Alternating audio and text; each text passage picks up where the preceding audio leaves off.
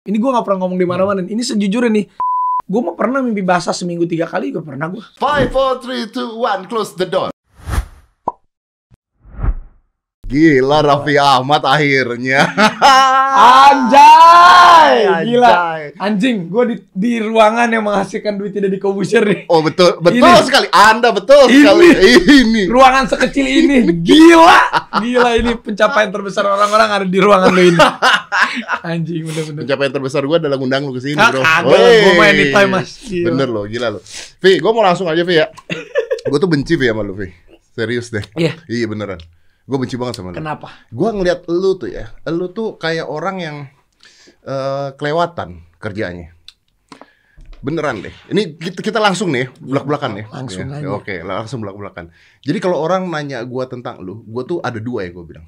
Dua langsung. Satu gue benci, dua gue salut. Gue selalu bilang gitu. Lu dengerin kalau gue ngomongin lu ke orang-orang begitu. Eh, Raffi Ahmad gimana? Gue gak suka sama dia. Tapi gue salut sama dia. Gue ngomongnya gitu. Terus saya bilang, gak sukanya gimana? Di, langsung ya? Gua nggak Langsung? su- langsung kayak. Gue gak suka sama Raffi begini. Gue tuh ngeliat dia, konten dia sama keluarga dia, teman-teman masuk ke kamar, teman gangguin dia. Gue tuh mikir ini orang hidupnya gimana gitu. Satu itu. Dua, Itu gue juga bingung sama diri gue yang itu. Oke terus. dua, gue salut dua hal. Satu adalah ini orang kerjanya gila. Nanti gue mau nanya, lu pakai apa kerja bisa kayak begini? Dua, lu tuh terlalu baik sama orang. Kagak juga sih. Gak ada, lu tuh terlalu baik. Semua orang yang ketemu gue, kalau mau collab sama Raffi tuh gampang banget katanya.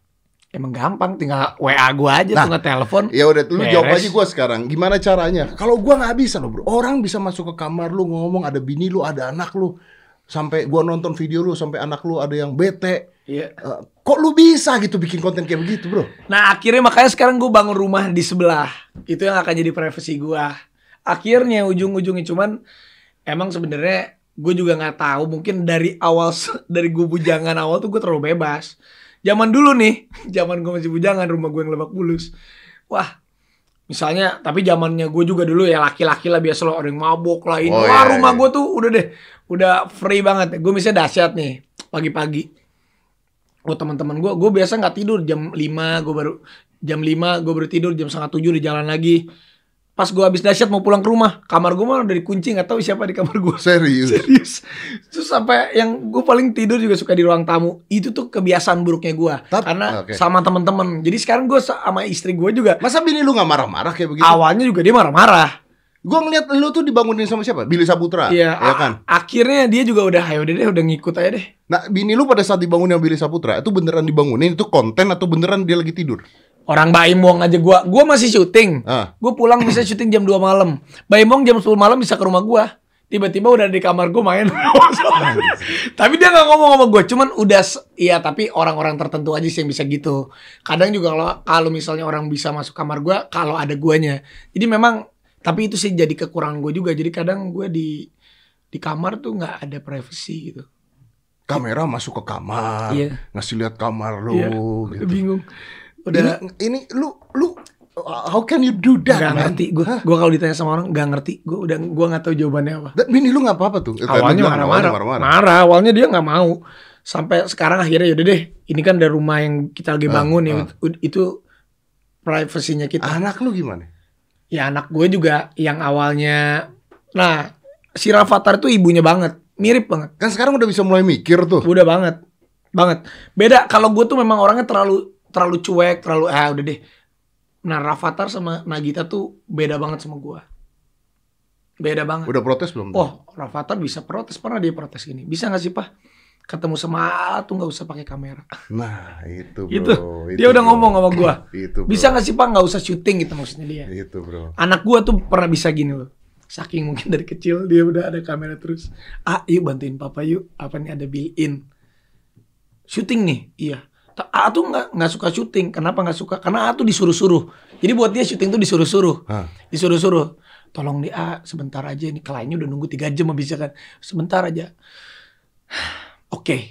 A, A bantuin papa. Ya. Anjir. Terus pas udah selesai cut, selesai gitu. dia mau cut. Udah pak, puas. Oh, Uh, gue sedih banget loh langsung. Itu gue sedih banget bos. Langsung gue anjir gitu. Tapi ah, pak udah ya. puas. Udah habis gitu dia main. Lu digituin sama Gue digituin terus anak gue juga pernah ngomong gini, Pah, A dengerin papa dong sekali aja. AA disuruh dengerin papa terus, papa pernah gak sih dengerin AA? Itu pernah terjadi juga. Jadi gue udah kayak, aduh.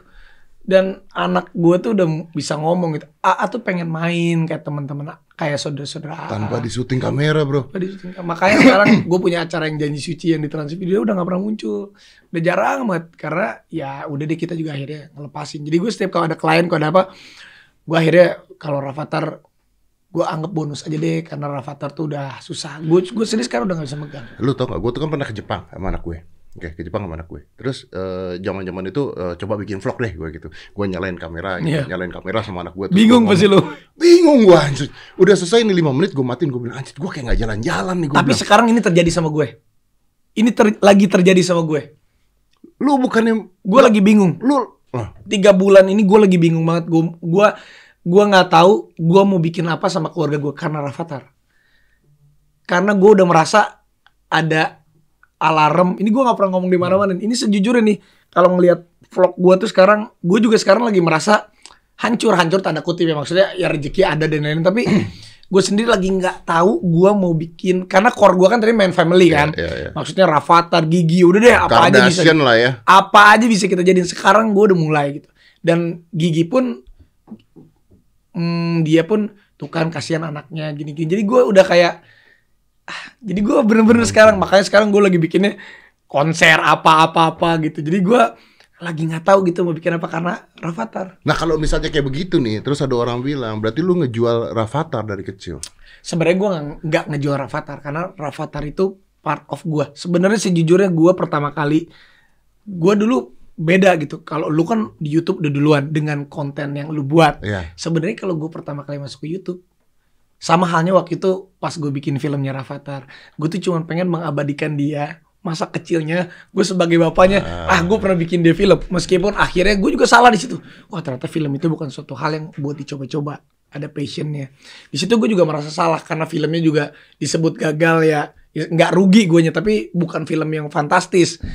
Tapi ah pas gue jadi akhirnya aduh ternyata salah juga ya kalau gue mikir gue bikin film buat Ini yang, yang kenang-kenangan robot gue. bukan sih? Iya, Ya robot. bener. Tapi jelek sih. Iya memang jelek. Itu animasinya jelek. itu ininya jelek. Kenapa animasinya bisa jelek gitu? Nah itu juga gue pertama kali itu Itu sorry, gue potong. Soalnya gue ngeliat animasi lu bikin animasi sekarang yang film eh, ada Avatar yang kartun, bagus.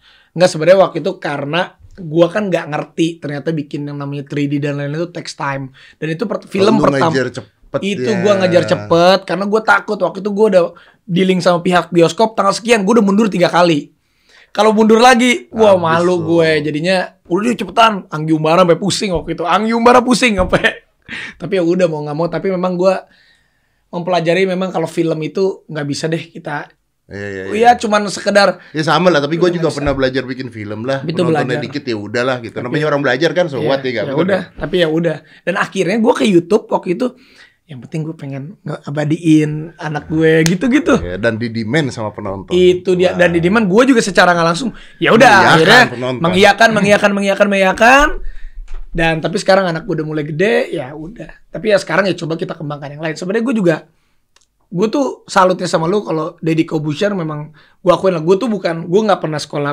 belajar nge-host bahasa Inggris gue juga goblok gue tuh menang beruntung doang saudara. lu, lu gua rasa lu bukan menang beruntung. Kalau misalnya ada orang bilang Raffi menang beruntung ya, ini ini kali ini gue belain Raffi. Lu dia lu dia bukan menang beruntung. Satu dia itu nggak pernah nyerah ya. Terus itu dua, ya dua dia giginya gua ngakuin lu tuh gila. Gua aja kalah pasti giginya sama lu. Lu gimana caranya sekarang gua mau tanya sekarang. Lu gimana caranya lu bisa kerja sehari syuting 5 TV. Gua ada tawaran TV aja kemarin gua tolak, Vi. Gara-gara waktu gua nggak keburu, nggak kekejar. Nih ya, sekarang gua tanya lu sebagai orang tua nih. Nih, biarin deh udah Iya. langsung. Gue syuting di TV aja pulang malam, anak gua nanya. Wah, nggak punya waktu.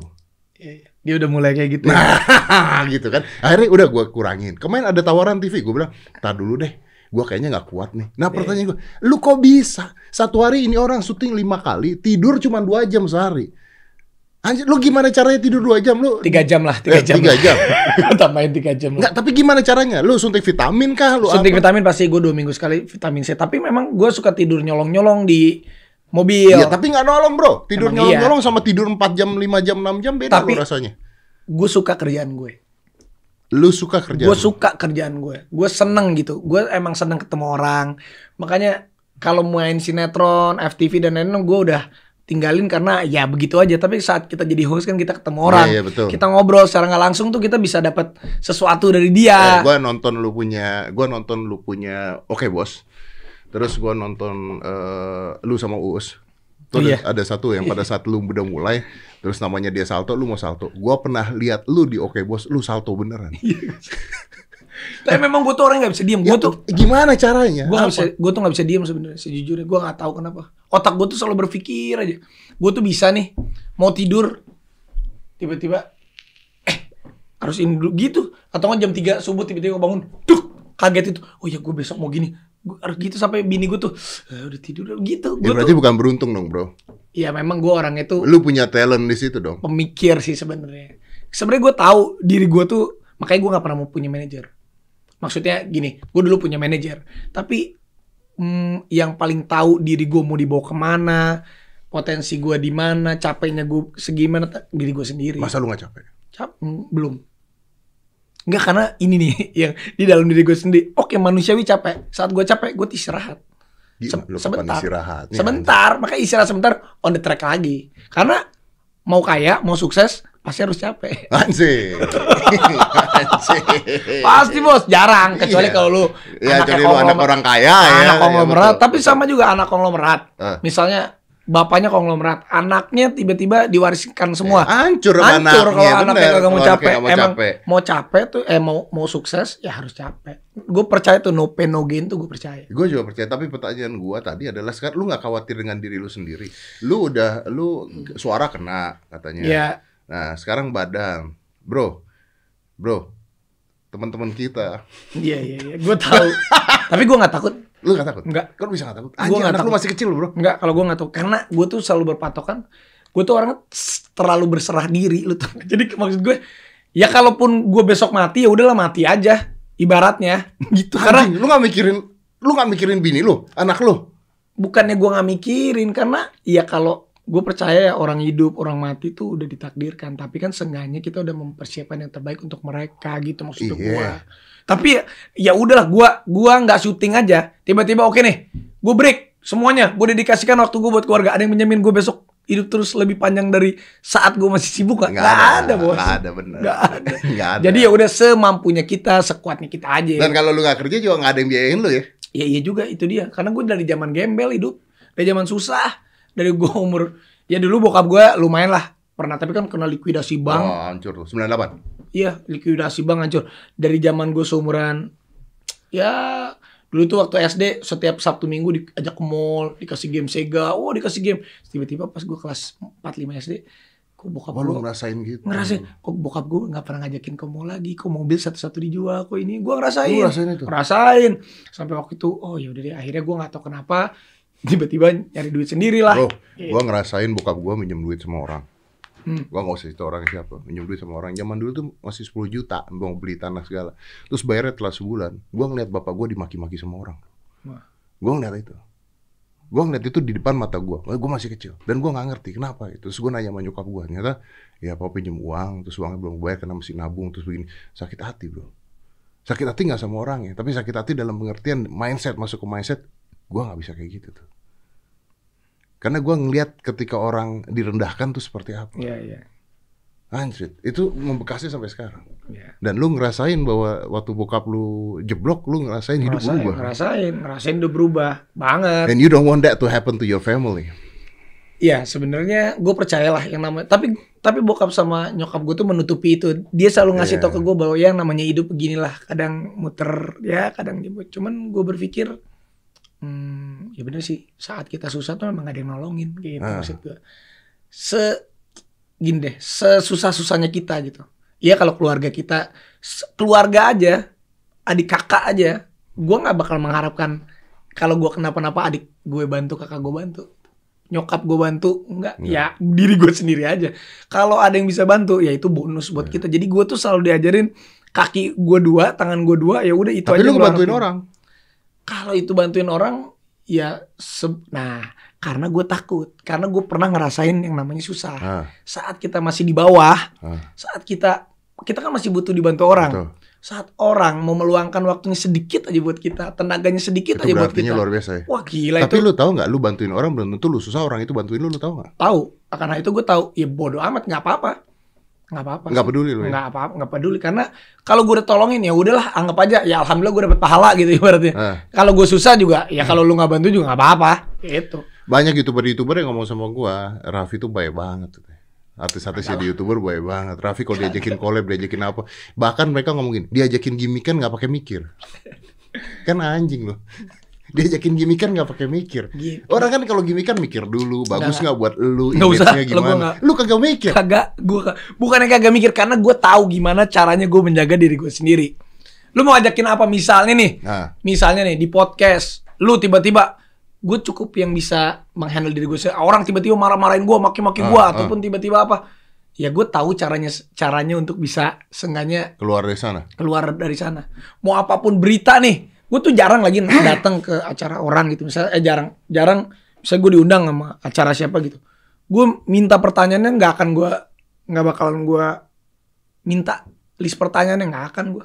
Lalu mau tanyain apa aja boleh. Gue nggak jawab juga boleh ya. Gitu Iya. aja udah gampang.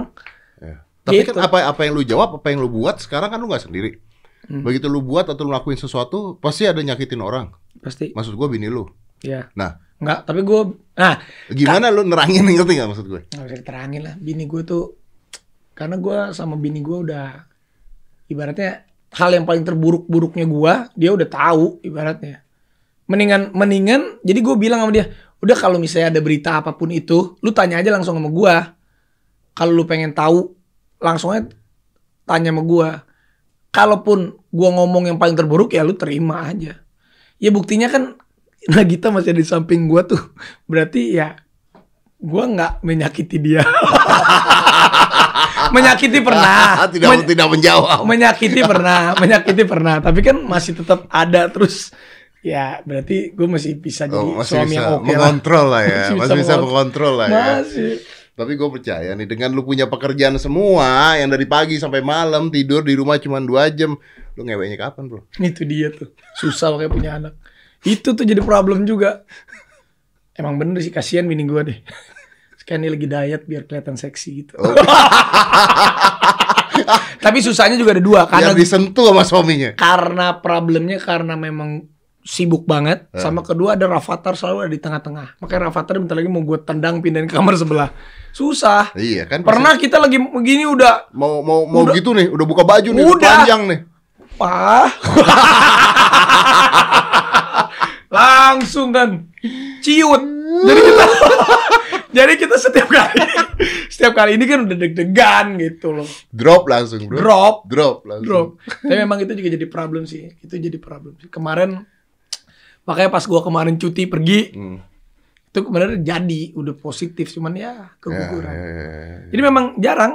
Mungkin wah jarang banget Gua- bini gua kesian juga sih. Kebutuhan seksual lu gimana? Lu kan orang gila. Iya cuman ya kadang kadang nih gue mah pernah mimpi basah seminggu tiga kali gue pernah gue Serius? serius saking capeknya di mobil aja gue nih gue tidur sumpah Lu mimpi basah di mobil? iya elah parah. Sa- gila gue saking capeknya nih tak tidur nih paling setengah jam anjing ngompol gue udah gitu sa- saking saking gitu gue Anjir. bener tapi tapi untungnya tuh buat ya Nagita juga buat dia tuh hmm, It's not main thing ya. betul buat dia Nah, main thingnya dia apa? Bahagianya dia apa? bahagianya bahagianya dia itu bangun siang nggak diganggu syuting bisa makan itu dia belanja udah selesai Bangun siang nggak diganggu syuting kan nggak bisa, bro. nggak dia dia dia, dia bangun jam bisa Oh, jam karena dia cuma di YouTube doang ya? dia kan syuting ya? cuman siang rumah seleb sama oke bos doang itu itu itu doang dua Oke. jadi dia kerja cuman dari jam 12 sampai jam 7 malam udah. Nah, dan dia itu aja udah udah teriak-teriak udah ngamuk-ngamuk cuma tiga hari tapi kan cuma Selasa. Karena dia tuh Nagita tuh ibu rumah tangga banget. Yang dulunya tuh dia kan sempet ngajar jadi guru Iya, TK iya. gitu-gitu. Jadi beda banget sama gua meskipun kita lahirnya di ulang tahun yang sama. Beda banget. Beda banget sama dia. Bahagianya lu apa? ya? bagian gua. Itu tuh kalau ditanya gua nggak tahu Gue nggak tahu. Apa bahagianya lu, Bro? Bahagianya gue Dengan sih. semua yang lu kerjakan, dengan semua ini yang lu dapat, dengan mobil-mobil mewah lu, dengan semua kekayaan lu punya, bahagia lu apa, Bro? Alah, gue nggak kaya kaya banget sama lu juga kayaan lu. Anjing, nah, itu harus dibuktikan lah. Jangan lihat berita. Kemarin di Social Blade, gua ditulis youtuber nomor satu paling kaya. Gua posting anjing. Tapi ya apa bahagia? Apa bahagia lu? Coba. Dengan semua yang lu punya sekarang, apa bahagia lu? Jadi gue itu pengen suatu saat gue kan sebenarnya syuting ini masih pekerjaan nih. Gue pengen suatu saat syuting itu jadi hobi dan gue kalau mau syuting ya syuting. Hmm. Gue punya banyak waktu sama diri gue sendiri dan keluarga. Udah itu doang. sih. Maksudnya lu pensiun. Dibilang pensiun sih nggak mungkin ya karena susah lah kalau kayak kita Lu kan. kerja for fun. Ya, Lu pengennya- kerja untuk pengennya- kesenangan. Pengennya gitu. Pengennya sih gue gitu. Oke, gua tanya lagi lu. Bukannya kalau lu ngomong gitu lu udah bisa.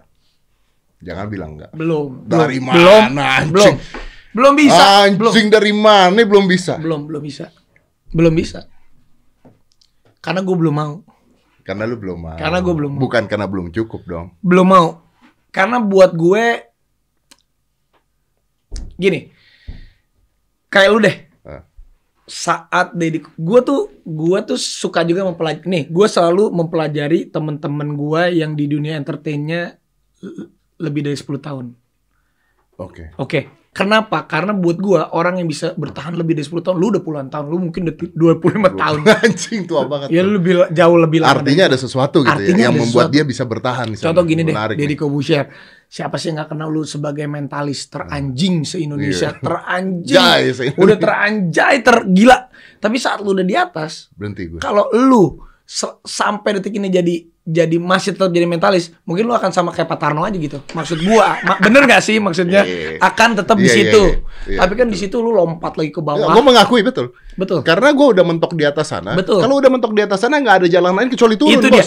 Jadi itu yang gue pelajarin. Jadi saat kita udah mentok, saat orang itu ngerasa besar, anjir gue udah di atas Iya. nih. Wah. Terus dia ngerasa besar terus. Terus dia lupa yang namanya waktu akan terus berlalu. Terus Yang kita- muda akan keluar. Dan kita cuman cuman mengenangnya. Iya, gue udah punya piala, honor gue udah segitu 2000 kemarin gini-gini. Itu kemarin bos. Tahun kemarin bos. Ini itu lima tahun yang lalu bos. Tapi kan saat kenyataan kita harus lompat ke bawah, naik lagi ke atas entah Betul. bawa apa. Entah ngapain lagi entah gitu kan. ngapain lagi. Iya, iya, iya, iya. Itu yang memang gue pelajarin. Lu udah di atas anjing. Nggak juga Lu bos. udah lu gila apa lu? Kagak. Satu-satunya artis di Indonesia yang punya acara TV terbanyak lu doang. Satu-satunya artis kemarin Itu harga gue lebih Lu- murah dari lo aja kali. Eh, dia kemarin menang Indonesian Television Awards sebagai host yang terinspiratif. Padahal lu, padahal lu ya. Padahal lu yang lebih inspiratif dari gue. ada Najwa Sihab. Ada Najwa Sihab kalah sama lu anjing. Gue malu sebenarnya depan lu berdua. ada Najwa gitu Ada kan. lu. Gue ngomong, eh, ngomong kan sama orang. ada yang nanya, "Eh, bro, lu kalah sama Raffi, dia lebih inspiratif. Gue bilang, gue gue sih nggak sakit hati. Najwa tuh. Nana, sorry kan Nana, ampun. Cuman nah, ya, tapi kan udah lu dapet dong. Semua udah lu dapet. Piala lu sabet semuanya, ya nggak? YouTube lu ngerajain, ya nggak? TV lu rajain. Lu kalau nggak stop sekarang, lu mau stop sampai kapan? Kan lu bilang diri lu nggak mau turun. Bukan gua nggak mau turun, belum saatnya gue turun. Bukan, lu kan nggak mau sampai ini turun dong. Apanya? Lu kan nggak mau bahwa karya lu lama-lama nggak dihargain orang. Kan lu tadi bilang gua misal sebagai mentalis gua menghentikan diri, gua come up with something new. Ya, ya Lu tadi ngomong di awal, nih gua lagi pusing YouTube nih. Lagi pusing YouTube. Lu lagi pusing YouTube berarti view agak turun. Ya. Nah, daripada lu turun kenapa lu nggak stop dan bikin yang lain? enggak, enggak dong, jangan dong. Lu kan udah di atas banget, Bro. Lo enggak jadi karena gue dengerin omongan lu juga orang yang sukses itu nggak akan ya bener nggak akan ada satu keran bos. Kerannya terus kucurin banyak. Iya. kalau mampet satu ya kita betulin. Tapi sebanyak banyaknya banyak nanti gini. Sa- sampai sampai di mana gua udah misalnya ngerasa gini anjir kerannya ini udah banyak. Nah saat kerannya udah banyak gua naik ke atas helikopter view gua ngeliat ini mau diapain ini semua? Gitu. Mau diapain ini Ah. Dan lu semuanya? belum di sono? belum gue belum gue belum lagi naik ke atas lagi gue bikin dulu nih keran yang banyak nih Ah. gue bikin keran yang banyak sampai di mana gue udah aduh kayaknya gue udah pengen naik ke atas gue liatin semuanya oke keren-keren gue diapain baru di situ sesegera mungkin dirapihin entah itu mau di ya sekarang kan bisnis sekarang kan banyak lah habis gitu udah deh kalau mau s- Stop. istirahat Ya bukan stop lah ya. Iya jangan nggak bi- nggak Nggak mungkin bisa stop sih. nggak bisa stop Gua sih stop sulap aja kadang-kadang main setahun sekali gue masih main Pasti di lah. CPI. Iya. Pasti, masih pasti. kangen aja. Gak Pasti. mungkin orang kayak kita di, di, diberhentiin, gak mungkin di, di stop.